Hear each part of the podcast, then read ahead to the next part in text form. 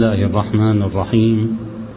الحمد لله رب العالمين وصلى الله على محمد وآله الطيبين الطاهرين.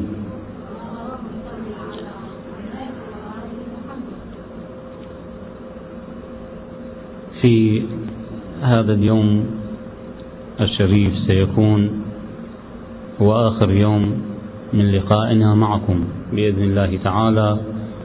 وأرجو أن يكون الحضور أكثر وأكثر والتفاعل مع محاضرات الإمام المهدي عليه السلام أكثر اهتماما خصوصا هذه الأيام المباركة أن تستغل في العلم والمعرفة إضافة إلى العبادة وأفضل العبادة هو التعلم لأنه كما هو معروف أن علماءنا رضوان الله عليهم اهتموا بمسألة التعلم والمعرفة حتى أن بعضهم يسأل الشيخ الصدوق عن أفضل أعمال ليلة القدر وكان هذا رجل من الطلبة طلبة العلوم. فقال في هذه الليلة أي الأعمال أفضل؟ صلاة قراءة قرآن تسبيح مثلا. قال اقرأ درسك هو أفضل الأعمال. أفضل الأعمال في هذه الليلة ليلة القدر هي قراءة الدرس والتعلم. فكيف بهذا الشهر الشريف وهو التعلم والمعرفة من أجل الإمام المهدي عجل الله فرجه الشريف؟ أرجو أن يكون اهتمامنا جميعا بهذا الشأن وندعو الله تعالى ونشكره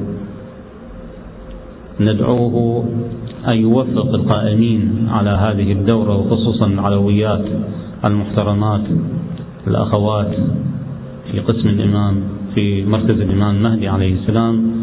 ندعو لهن بالتوفيق والمثابرة على إقامة مثل هذه الندوات والمحاضرات والمساعدة من قبلكم لهن هو الحضور والاستجابة إن شاء الله تعالى لإنجاح هذه البرامج.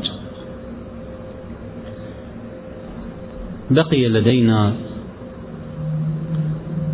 من خصائص الإمام المهدي عجل الله فرجه الشريف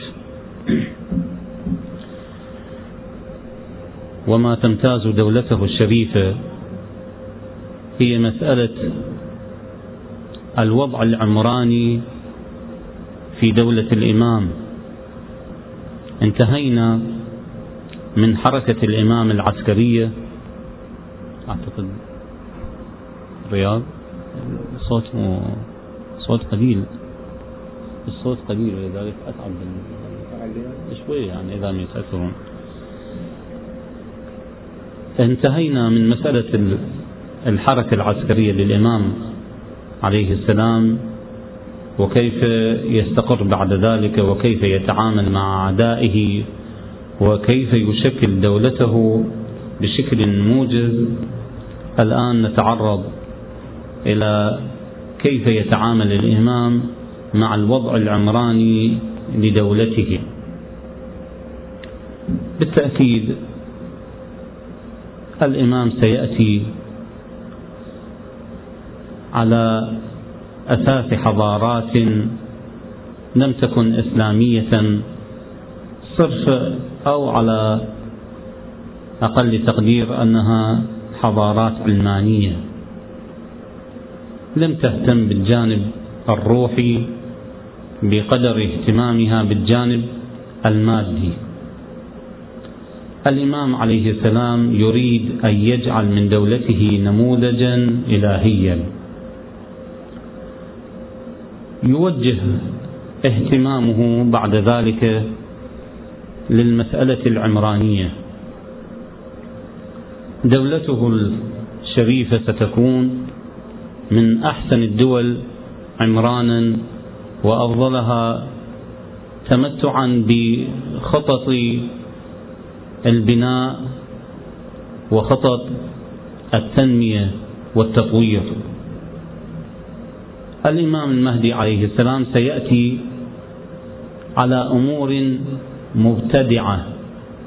سيجد هناك أمور مبتدعة عمرانية سواء على على أساس المساجد أو على أساس الشعائر أيضا المراسم كذلك. فلذا تجد أن الإمام عليه السلام سيصب أول اهتمامه على مسألة المساجد.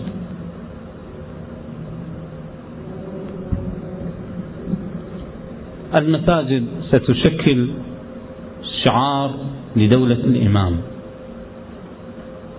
الإمام عليه السلام بعض الروايات تذكر أنه سيهدم بعض المساجد ويقيم بعض المساجد ويخرب بعض المساجد. ويؤسس بعض المساجد. هذه الحركة الدؤوبة للإمام عليه السلام تعني شيء تكشف شيء تكشف عن أشياء يرفعها الإمام وهي محاربته للبدعة. محاربته للبدعة الإمام عليه السلام أهم اهتماماته أو في أولويات اهتمامه. الروايات تقول سيهدم أربعة مساجد. أربعة مساجد ستهدم. يا ترى أي هذه المساجد؟ ولماذا سيهدم الإمام هذه المساجد مع أنه سيدعو لبناء المساجد؟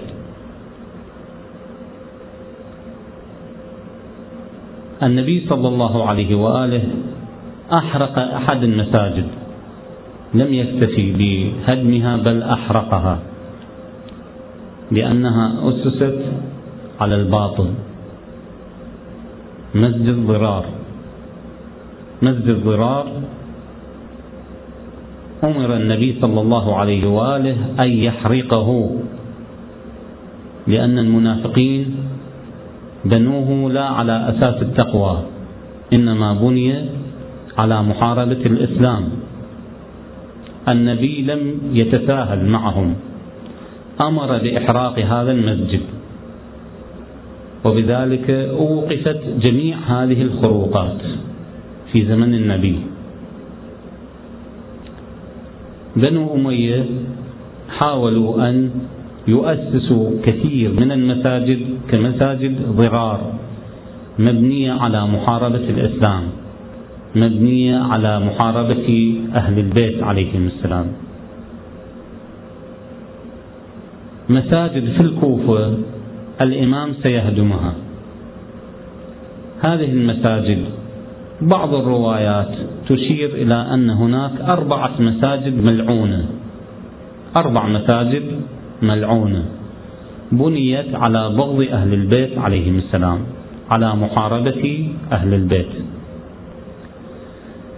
هذه المساجد الملعونة كما في تعبير الإمام عليه السلام هي مساجد تابعة لبني أمية أسست على محاربة أهل البيت وشيعة أهل البيت. هذه المساجد يعدها الإمام الباقر عليه السلام يقول جددت أربع مساجد. بالكوفة فرحا بقتل الحسين عليه السلام. مسجد الأشعث ومسجد جرير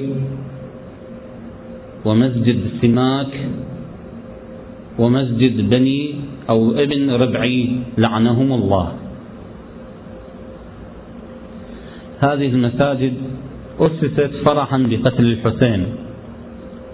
أسست ضرارا لمحاربة أهل البيت عليهم السلام.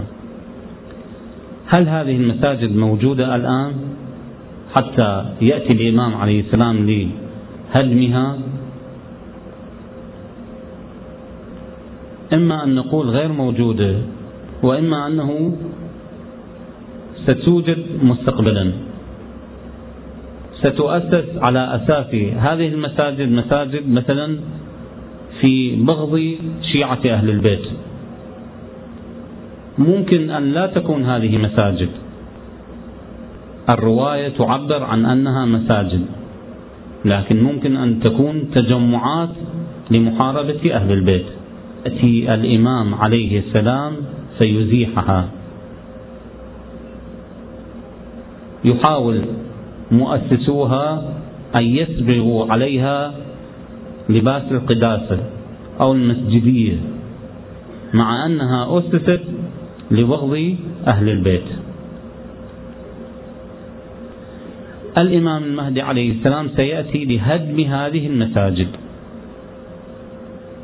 وهدم مقاصير أئمة الجماعة. المقصورة كما تعرفون أسست في عهد معاوية بن أبي سفيان. مقصورة مكان غرفة صغيرة يقف فيها الإمام ينعزل عن المصلين. يصلي ويصلي المأمومون خلفه. من ذلك حماية إمام الجماعة من أي اعتداء. معاوية بن أبي سفيان حينما ضرب من قبل الخارجي عبد الله بن براك ضربه على مؤخرته على إليته فلم يقتله. حاول معاوية أن يتجنب هذه المحاولات محاولات الاغتيال فأخذ لم يصلي إلا في مقاصير يعتزل بها عن الناس. كل من جاء بعد معاوية بنى هذه المقصورة. هذه المقصورة بدعة. كل بدعة ضلالة وكل ضلالة في النار. الإمام عليه السلام جاء لهدم هذه الضلالات لإزاحة هذه البدع. الإمام عليه السلام يأتي لإزالة المنائر. المنارة مستحدثة لم تكن هناك منارة في زمن النبي صلى الله عليه وآله. المنائر استحدثت بعد ذلك. يأتي الإمام عليه السلام هدمها لكنه قد يتساءل بعضنا أن هناك منائر مقدسة. في العتبات المقدسة منائر من ذهب تشير إلى قدسية الإمام وعظمة الإمام. ممكن أن يكون الإمام عليه السلام لم يتعرض إلى هذه المنائر ممكن أن تكون هذه المنائر استحدثت بعد ذلك محاكاة للمساجد الأخرى. لأنه الآن إذا بني مسجد دون منائر لم تكن هناك صورة المسجدية عليه. العرف فهم من أن هذا مسجد من المنارة أو القبة.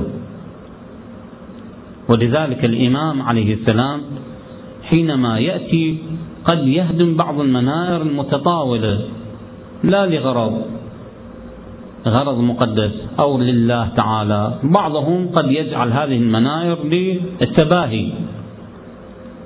ولذلك عندنا في بعض الروايات كراهة تزيين المساجد. الآن نجد كثير من المساجد أو بعض المساجد مزينة مزخرفة. هذه مكروهة منهي عنها. الإمام عليه السلام لا بد أن يقف موقفا معينا من ذلك. يقف موقف من هذه المنارات ومن المقاصير ومن أشياء استحدثت. وكل شيء مستحدث فهو بدعة وكل بدعة يقف أمامه الإمام. عن أبي بصير عن أبي جعفر عليه السلام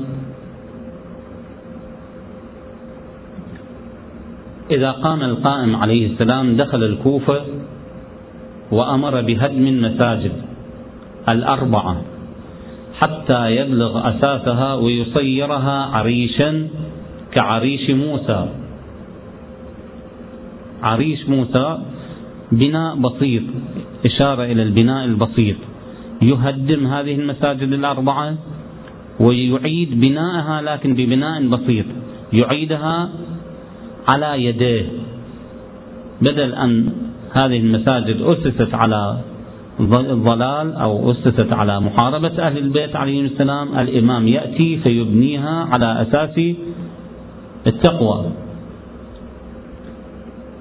ويصيرها عريشا كعريش موسى ويكون المساجد أو وتكون المساجد كلها جماء جماء بدون شرف. جماء لا شرف لها كما كان على عهد رسول الله صلى الله عليه وآله.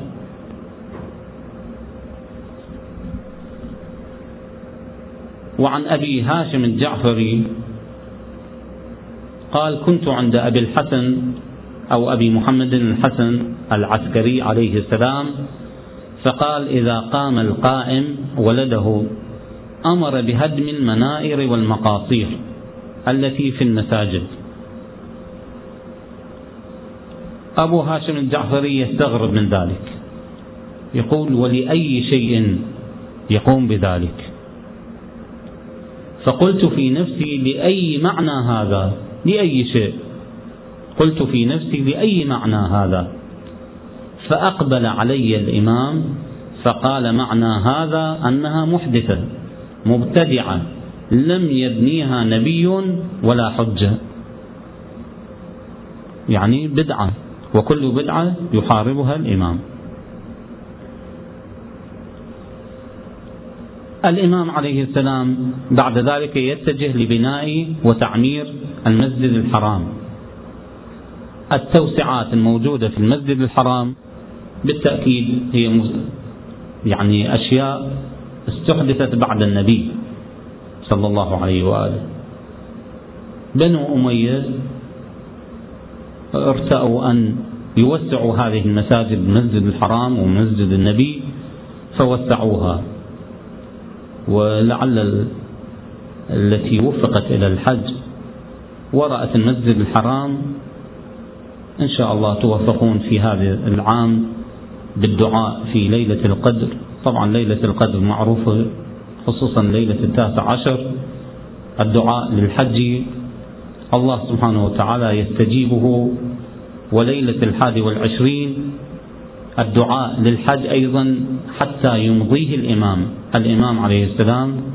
لا يترتب الحج ولا يكون حج إلا بإمضاء الإمام وموافقته.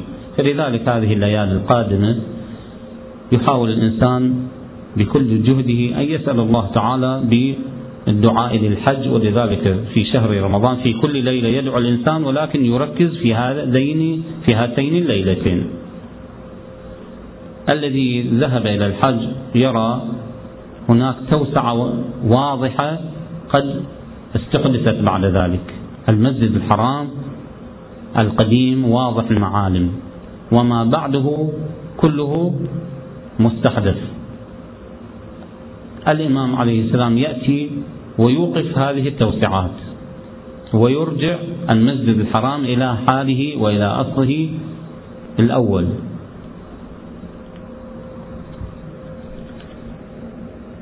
عن أبي عبد الله عليه السلام القائم يهدم المسجد الحرام حتى يرده إلى أساسه ومسجد الرسول صلى الله عليه وآله إلى أساسه ثم يبنيه. وعنه عليه السلام أن القائم إذا قام يرد بيت الله إلى حجمه السابق وكذلك مسجد النبي صلى الله عليه وآله ومسجد الكوفة.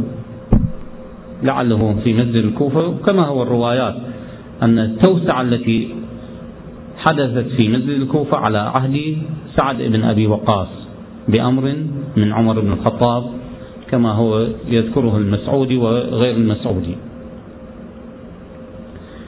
الإمام بعد هدمه لهذه المساجد يقوم ببناء وتوسيع المساجد التي بنيت على التقوى. مسجد الكوفة لم يكفي للمصلين. أمير المؤمنين عليه السلام يقول هذا المسجد يوسع وسيبنى أربعة مساجد أخرى. لأنه قلنا أن أو سنأتي أن عاصمة الإمام ستكون الكوفة. كل المؤمنين كل الناس كل العالم يأتي لعاصمة الإمام. بالتأكيد ستكون المساجد لها دور ليس الدور العبادي فقط دور إدارة دولة.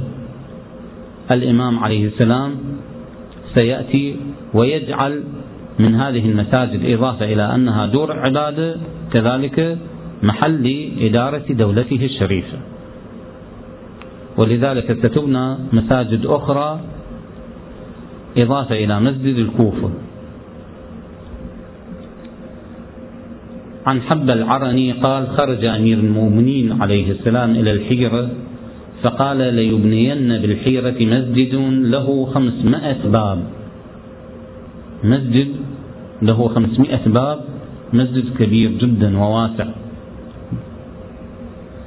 يصلي فيه خليفة القائم يعني وكيله وكيل الإمام عليه السلام يجعله أحد وكلائه على الصلاة.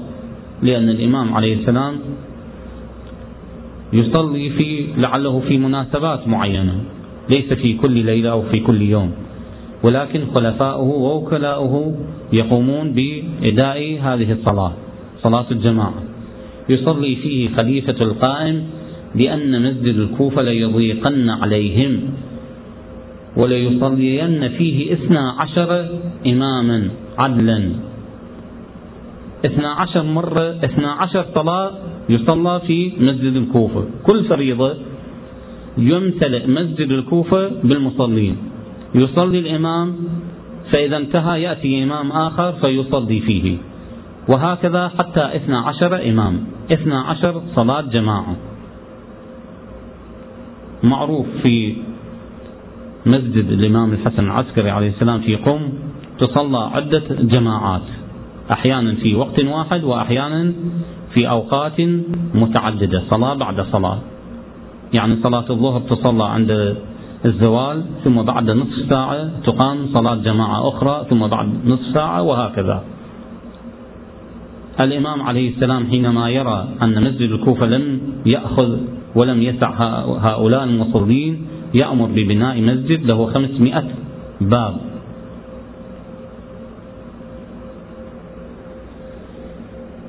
قلت يا أمير المؤمنين ويسع مسجد الكوفة هذا الذي تصف الناس يومئذ؟ هذه الجماعات. هل يسعها؟ قال تبنى له أربع مساجد. الكوفة أصغرها مسجد الكوفة هذا اليوم هو أصغر هذه المساجد. مسجد الكوفة أصغرها وهذا ومسجدان يعني يقصد مسجد الكوفة وهذا الذي يشير إليه ومسجدان في طرفي الكوفة من هذا الجانب وأومأ بيده نحو نهر البصريين والغربيين. قلنا أنه هناك مناطق اندرست في زمن الأئمة عليهم السلام. ممكن أن يشخصها الإمام بالتأكيد. الإمام عليه السلام يشخصها في هذا الجانب أي جانب بالتأكيد معالم هذا النهر خفيت علينا اليوم وجانب البصريين أيضا خفي علينا سيظهر على يد الإمام عليه السلام. بل أكثر من ذلك الإمام عليه السلام لم يكتفي ببناء المساجد هنا في الكوفة أو في المناطق الإسلامية إنما سيأمر ببناء هذه المساجد في البلدان الغربية في أوروبا. الإمام سيأمر ببناء هذه المساجد. تعبير الأئمة عليهم السلام أنه سيبني المساجد في القسطنطينية. في القسطنطينية بعضهم يقول تركيا والآن موجودة منطقة قسطنطينية في تركيا. الأكثر يقول المقصود من القسطنطينية هي مناطق أوروبا. ولذلك الإمام عليه السلام حينما يفتح هذه المناطق يأمر ببناء المساجد فيها.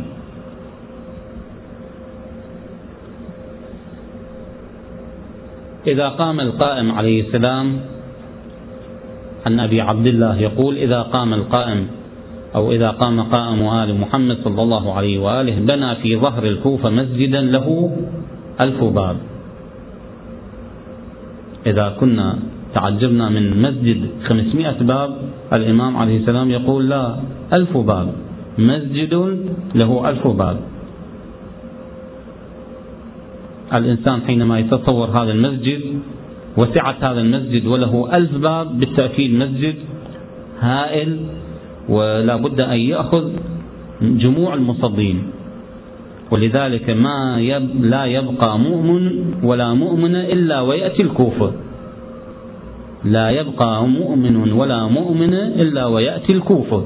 بالتأكيد أن الكوفة تحتاج إلى سعة مساجدها لاستقبالها هذه الجموع وهذه الحشود لزيارة الإمام لرؤية الإمام لمبايعة الإمام.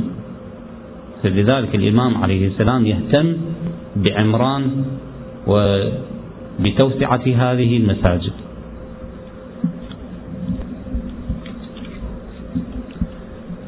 الكثير يسأل عن عاصمة الإمام وكيف تكون هي عاصمة الإمام.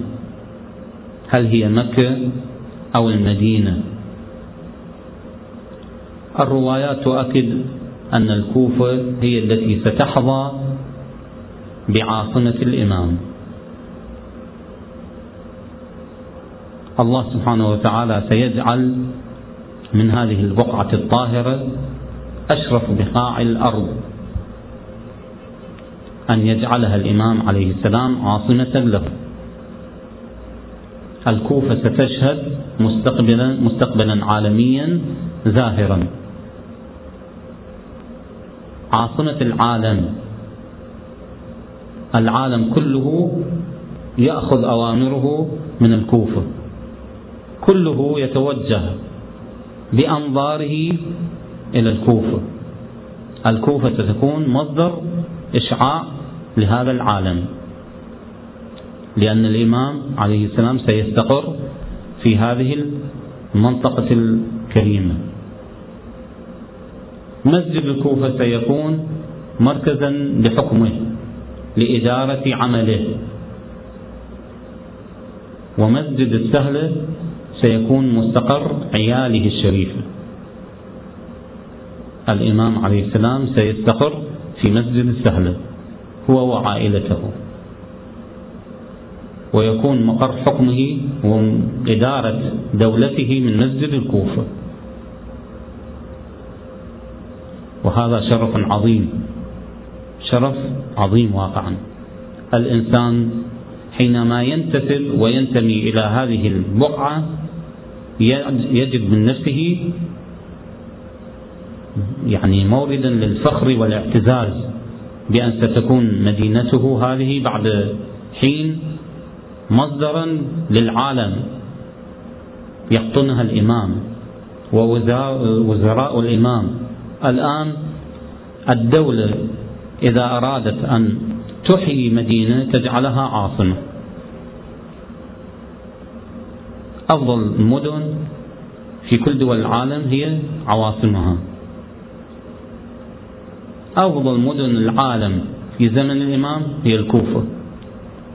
الكوفة ليست هذه فقط الكوفة تشمل النجف ولعلها تشمل حتى كربلاء لأن الكوفة ستمتد إلى كربلاء تتصل بكربلاء تتصل بكربلاء والروايات تؤكد ذلك بحيث لا فرق يكون بين الكوفة وكربلاء. لا يمكن تمييز الكوفة أو النجف عن كربلاء. كما اليوم لا يمكن أن نميز النجف عن الكوفة. كذلك ستلتقي وتتشابك الكوفة أو النجف بكربلاء. وستكون عاصمته الشريفة في هذه البقعة. أطهر بقعة في العالم هي. عن أبي بصير عليه السلام آه، عن أبي عبد الله عليه السلام أنه قال يا أبا محمد كأني أرى نزول القائم في مسجد السهلة بأهله وعياله. قلت يكون منزله يستغرب. يكون منزله؟ قال نعم هو منزل إدريس. وما بعث الله نبيا إلا وقد صلى فيه والمقيم فيه كالمقيم في فسطاط رسول الله صلى الله عليه وآله. وما من مؤمن إلا وقلبه يحن إليه يحن إلى هذا المسجد. وما من يوم ولا ليلة إلا والملائكة يأوون إلى هذا المسجد. يعبدون الله فيه. يا أبا محمد أما أني لو كنت بالقرب منكم ما صليت صلاة إلا فيه. ثم إذا قام قائما انتقم الله لرسوله ولنا أجمعين. عن الإمام الباقر عليه السلام يقول عن الكوفة ولا يأتين عليه أي على المسجد ولا يأتين عليه زمان يكون مصلى المهدي.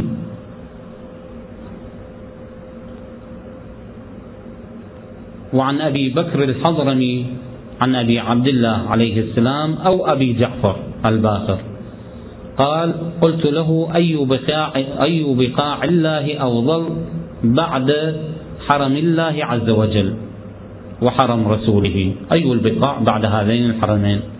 فقال الكوفة يا أبا بكر هي الزكية الطاهرة فيها قبور النبيين والمرسلين. فيها قبور النبيين المرسلين وغير المرسلين والأوصياء الصادقين وفيها مسجد سهيل مسجد السهل الذي لم يبعث الله نبيا إلا وقد صلى فيه ومنها يظهر عدل الله وفيها يكون قائمه أول قوام من بعده يعني وكلاؤه أيضا وهي منازل النبيين والأوصياء والصالحين. طبعا من أهم معالم هذه الدولة الشريفة أيضا سيكون للإمام المهدي عليه السلام تشكيلة حكومية من وزراء الوزراء من أنبياء وأيضا صالحين يبعثهم الله تعالى برجعة يرجعون إلى الدنيا بعد موتهم وسيكون أبرزهم عيسى بن مريم. عيسى سيكون له شأن عند ظهور الإمام عليه السلام. الروايات تقول أن عيسى سيجمع أموال الإمام يعني وزير ماليته الخازن لأمواله عيسى مهمته بعد ذلك ستكون إدارة أموال الإمام.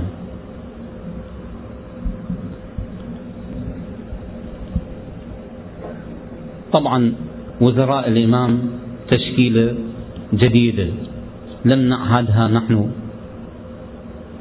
وزراء الإمام إضافة إلى عيسى هم أهل الكهف. الله سبحانه وتعالى سيبعث مع الإمام المهدي أصحاب الكهف. وسيبعث معه من قوم موسى. سبعة أنفار من قبل قوم موسى وسلمان الفارسي وأبو دجانة طبعا هؤلاء لهم أثر. الله سبحانه وتعالى اختارهم أن يكونوا وزراء يرجعون مع الإمام عليه السلام.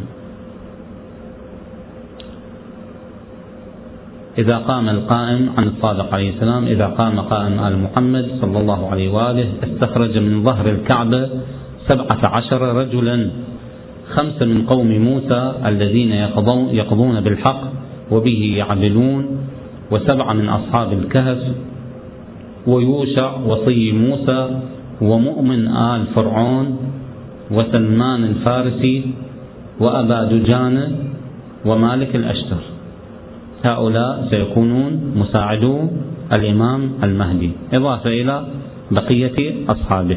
طبعا بالتأكيد سيكون حتى هؤلاء الوزراء لهم شأن. يعني حتى وزراء الإمام لهم خصوصيات. يبعثون من جديد يحيون من جديد ولهم شأن مع أنبيائهم وكذلك سيكون لهم شأن أيضا مع الإمام المهدي. أهم شيء سيميز رعايا الإمام وشعب دولة الإمام شعب الإمام عليه السلام هم أن يصلوا إلى مرحلة من مراحل العلم.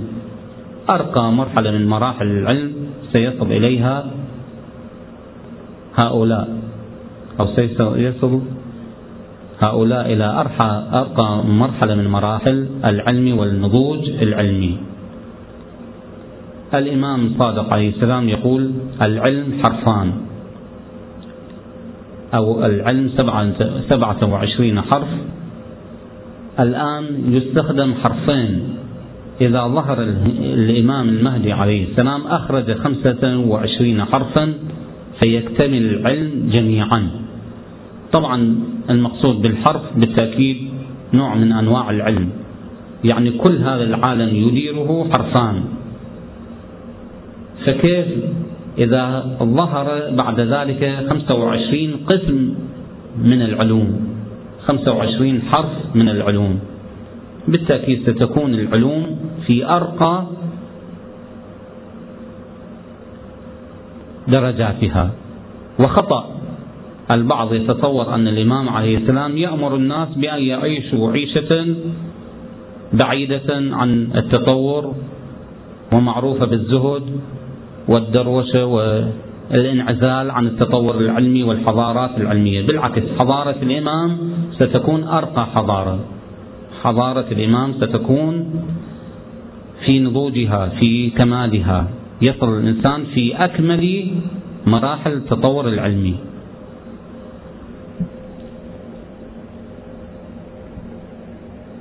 عن أبي عبد الله عليه السلام قال العلم نقرأ الروايات سريعا حتى نحاول أن نذكر بعض خصوصيات هذه الدولة وما تبقي. يعني الحقيقة لا نستطيع أن نكمل ولكنه نأخذ الأشياء المهمة بعد ذلك.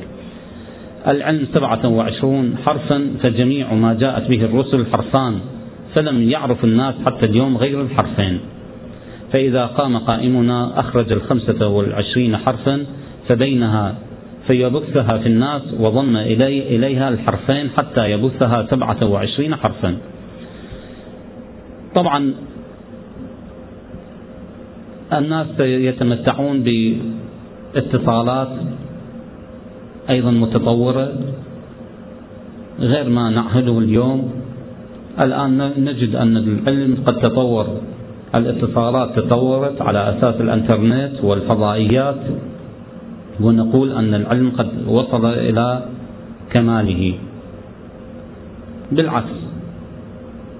إذا قارنا ما وصل أو ما سيصل إليه الإمام عليه السلام في عصره سنجد نحن الآن في حالة تخلف. يستطيع الناس أن يشاهدوا بعضهم بعضا. إضافة إلى الفضائيات ستكون هناك آلية أخرى يتمتع بها الناس. يرون الإمام في كل مكان في كل منطقة كل منطقة تتمتع برؤية الإمام. يا ترى هل هي هذه الفضائيات أو أجهزة أخرى الله سبحانه وتعالى سيجعل بيد الإمام هذا التطور العلمي وكنوز العلم ستظهر على يديه.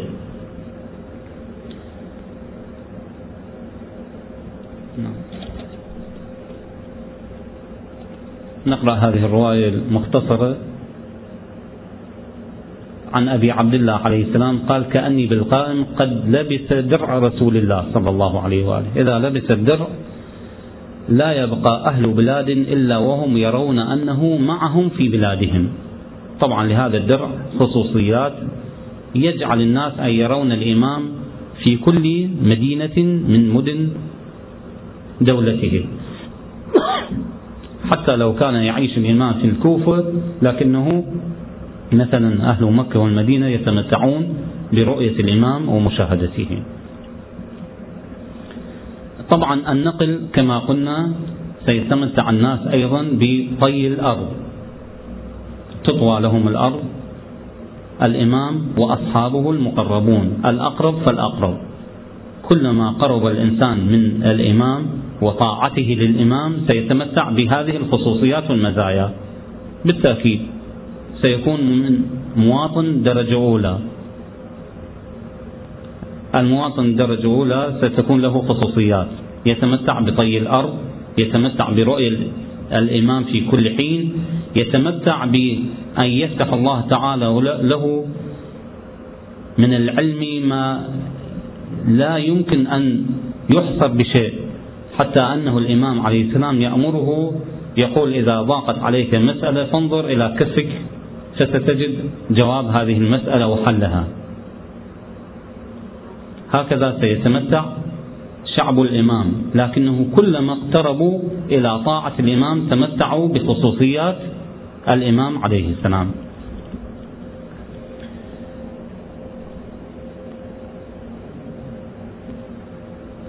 نقرأ سيكون بعدكم أقوام تطوى لهم الأرض وتفتح لهم الدنيا تطوى لهم الأرض في أسرع الطرق حتى لو شاء أحدهم أن يأتي شرقها أو غربها في ساعة صعد يتنقل من الشرق إلى الغرب في ساعات وفي دقائق. ستكون هناك أيضا من خصوصيات هذه الدولة أن شعبها يتمتع بشبكة من المعلومات. كل إنسان يعلم ما يحدث في بيته وهو في مكان معين. الآن أجهزة الموبايل ممكن أن يتصل ببيته ويخبر يخبر ما يجري مثلا في بيته. يقول لا سيتطور العلم إلى أن يصبح حتى طبعا تعبير الرواية صوته ونعله يخبره ما أحدثوا أهله بعده. عن النبي صلى الله عليه وآله والذي نفسي بيده لا تقوم الساعة حتى يخرج أحدكم من أهله فيخبره نعله أو صوته أو عصاه بما أحدث أهله بعده. يتكلمون معه يعطونه تقارير عما أحدثوا أهله. ستكون هناك منظومة من المعلومات منظومة معلوماتية لا يمكن تصورها. قد أن أهل زمان الذين سبقونا كانوا لا يتصورون معنى الانترنت. الآن نحن نتعامل بالانترنت نتعامل بالموبايل نتعامل بأجهزة حديثة في الاتصالات. مستقبلا لا نستغرب من هذه الروايات. مستقبلا الله سبحانه وتعالى سيجعل كل هذه النعم ظاهرة لرعاية الإمام.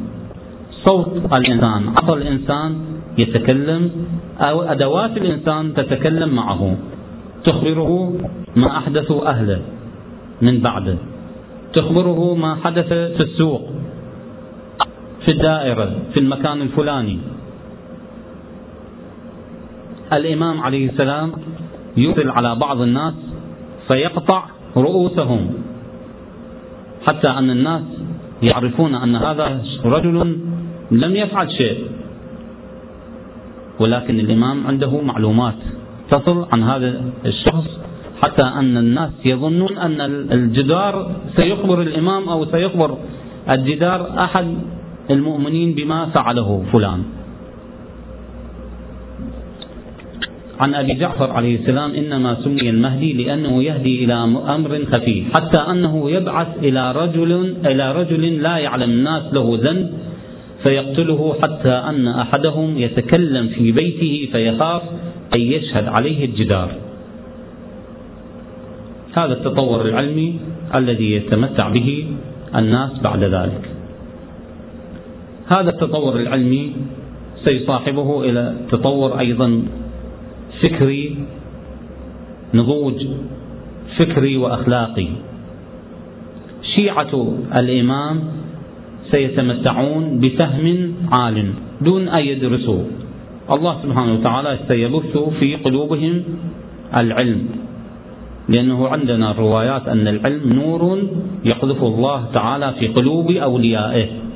الله سبحانه وتعالى سيجعل النور في قلوب هؤلاء المؤمنين. حتى أنهم سيكونون إشعاع مصدر إشعاع للعالم جميعا. العالم كلهم يأتون إلى الكوفة. شيعة الإمام عليه السلام يكلفون بأن يعلموا الناس الدين يعلموهم القرآن تفسير القرآن. كما أنزل كما أنزل كما أنزل معروف أنه كما جاء بمعناه وتفسيره. لا كما أنزل بمعنى أنه حرف. كما أنزل يعني القرآن بين أيدينا هو هذا ولكنه معانيه وتفسيره حرفت تفاسيره حرفت ولذا تجدون أن كل عالم أو كل مذهب أو كل جهة تفسر القرآن حسب رأيها.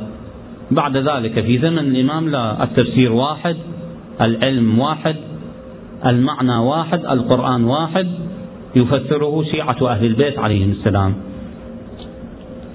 قال أمير المؤمنين عليه السلام كأني أنظر إلى شيعتنا بمسجد الكوفة قد ضربوا الفساطيط يعني المخيمات مثلا أو المقاصير أو الصفوف للتعليم. الفساطيط يعلمون الناس القرآن كما أنزل بمعناه وبتفسيره. وعن أبي عبد الله عليه السلام كأني بشيعة علي في أيديهم المثاني. المثاني يعني سورة الفاتحة طبعا. سورة الفاتحة وما بعد سورة الفاتحة المثاني والكتاب الكريم. شيعة أهل البيت يفسرون سورة الفاتحة بما هي. سورة الفاتحة فيها معاني وفيها مغازي ولذا التأكيد على سورة الفاتحة أكثر من غيرها. سورة الفاتحة فيها إشارة إلى التوحيد وفيها إشارة إلى النبوة وفيها إشارة إلى إمامة أهل البيت عليهم السلام. وإذا صار عندنا مجال في في وقت آخر إن شاء الله سنتعرض إلى أهمية سورة الفاتحة في إمامة أهل البيت عليهم السلام. المرأة في ولعل السيد الذي سيأتي بعدي إن شاء الله سيبين دور المرأة في عصر الإمام ولكنه نشير إلى أن المرأة سيأتيها سيأتيها الله تعالى الحكمة والنضوج العلمي والفكري بحيث أنها تقضي وهي في بيتها. يعني تصل إلى مرحلة الاجتهاد لأن الشخص لا يقضي ولا يحكم بأحكام الله تعالى إلا أن يصل إلى مرحلة الاجتهاد. المرأة تصل إلى هذه المرحلة إلى هذا النضوج وستحكم وهي في بيتها. عن أبي جعفر عليه السلام وتؤتون الحكمة في زمانه حتى أن المرأة تقضي في بيتها بكتاب الله تعالى وسنة رسوله. لا تحتاج إلى أحد تسأله. هي تقضي هي تفسر الكتاب. هي تحكم بالأحكام. لا تحتاج إلى أحد تسأله. تصل إلى مرحلة من المراحل. الاجتهاد العلمي يؤتيها الله سبحانه وتعالى من الحكمة ما لا تحتاج إلى إلى أحد. طبعا أهم صفة أيضا سيتمتع بها رعايا الإمام عليه السلام شعورهم بالغنى. الناس سيكتفون بما عندهم. حتى لو أن الإنسان أعطوه ما يريد وما يسأل يشعر بأنه غني حتى أنه لم طبعا القناعة يتمتعون بحالة القناعة. إذا خرج المهدي عليه السلام ألقى الله الغنى أو الغناء في قلوب العباد حتى يقول المهدي من يريد المال ولا يأتيه أحد؟ لا يحتاج إلى أحد. لماذا؟ لأن الناس كلهم يعرفون أن الحاكم العادل لا يضيع حقوقهم. هناك عدل هناك محافظة على الثروات هناك توزيع متساوي. بعد ذلك لا يقلق الإنسان. الإنسان لماذا يقلق؟ لماذا يخاف؟ لأنه يخاف من عدم التوزيع سوء التوزيع. وجود اختلافات عدم مساواة إذا حكم الإمام بعد ذلك الإنسان يرى من نفسه أنه قد ضمنت حقوقه. فلماذا يخاف؟ الله سبحانه وتعالى يجعل في قلبه الغنى يستغني عن كل شيء. يكفيه وجود الإمام. وجود الإمام وعدل الإمام يكفيه يغنيه عن كل شيء يغنيه عن كل مال. ولذلك حينما يدفع له الزكاة أو تدفع له الصدقة لا يأخذ. بل إذا دفعت له مرتبه الشهري يقول أنا أكتفي. آخذ ما يكفيني.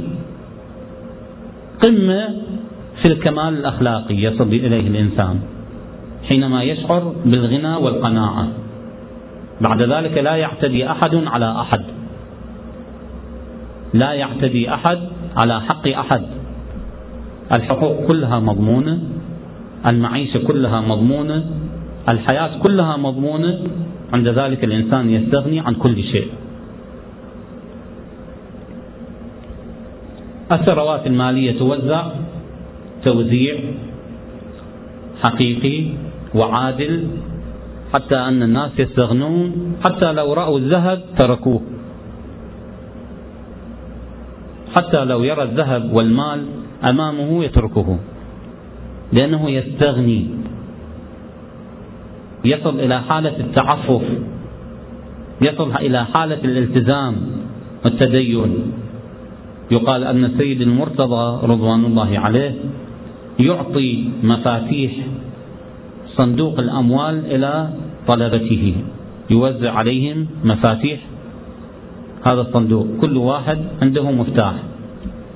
كل من احتاج إلى مرتب أو إلى مصرف يفتح الصندوق ويأخذ ما يكفيه لا يتجاوز على حق. هذه تربية عالم من علماء أهل البيت. فكيف بتربية الإمام؟ لم يتجاوز أحد على أحد.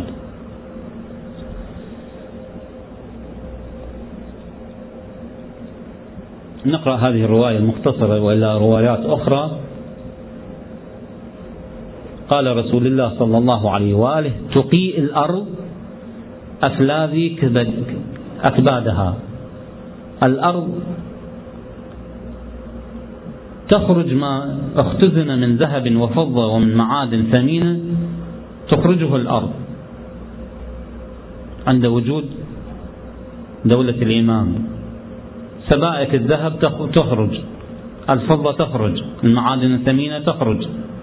تقيء الأرض أفلاذ أكبادها. أمثال الأسطوان من الذهب والفضة. أسطوانات من الذهب والفضة. فيجيء القاتل فيقول في هذا قتلت. في هذا قتلت. ويجيء القاطع فيقول في هذا قطعت رحمي. ويجيء السارق فيقول في هذا قطعت يدي. ثم يدعونه, يدعونه فلا يأخذون منه شيئا. هذا التقاتل على الذهب وعلى المال. الإنسان يستغني حتى هذا المجرم يكون في زمن الإمام رجل صالح يكتفي من كل شيء. يقول كل شيء هو تحت قدمي. الذهب والفضة والأموال. إذا لماذا أنا أتقاتل؟ لماذا أتدافع مع الآخرين؟ يندم على ما فرطه. ولذلك يدع كل شيء. المهم عدالة الإمام والإمام موجود يستغني عن كل شيء.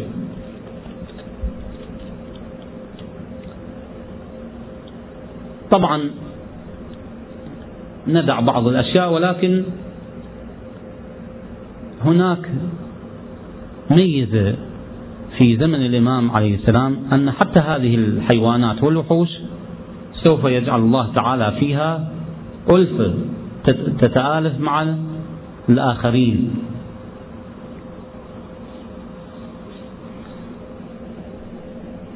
هذه الحيات والعقارب هذه السباع الضارية لا تتعرض إلى أحد حتى أن بعض الروايات التي سنقرأها أن الصبيان يلعبون بالحيات تعيش مع الناس. تعيش مع الناس. الله سبحانه وتعالى يجعل العالم كله دولة سلام. لا قتال لا اعتداء. حتى الحيوان يتعايش بسلام مع الآخرين. عن أمير المؤمنين عليه السلام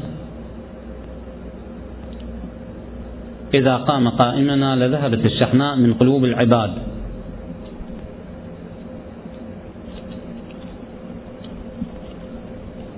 نعم.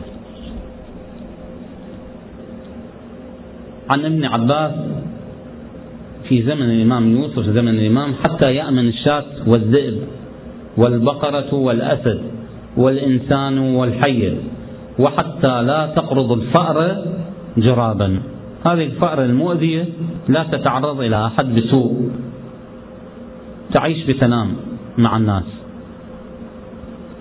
وعن أمير المؤمنين عليه السلام لو قد قام قائمنا لأنزلت السماء قطرها واصطلحت السباع والبهائم حتى تمسي المرأة بين العراق والشام لا يهيجها سبع ولا تخافه.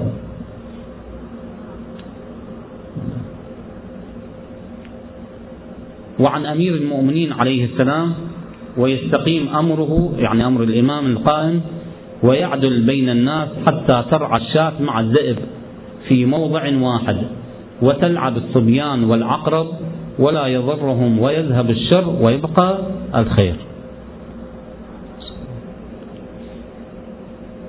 وعن أبي هريرة طبعا هذه حتى روايات سنية. لا تقوم الساعة حتى ينزل عيسى مع الإمام المهدي عليه السلام ويكون الذئب إلى آخر الآية ويكون الذئب في الغنم كأنه كلبها كأنه كلب الماشية كأنه كلبها يحرسها ويرعاها ويكون الأسد الإبل كأنه فحلها.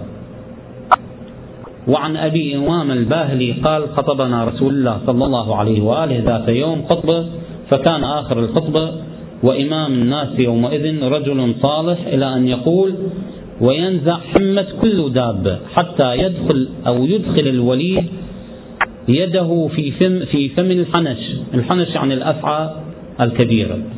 يدخل الوليد يده في فم الحنش فلا يضره وتلقى الوليدة يعني الطفلة الصغيرة الأسد فلا يضرها ويكون في الإبل كأنه كلبها ويكون الذئب في الغنم كأنه كلبها.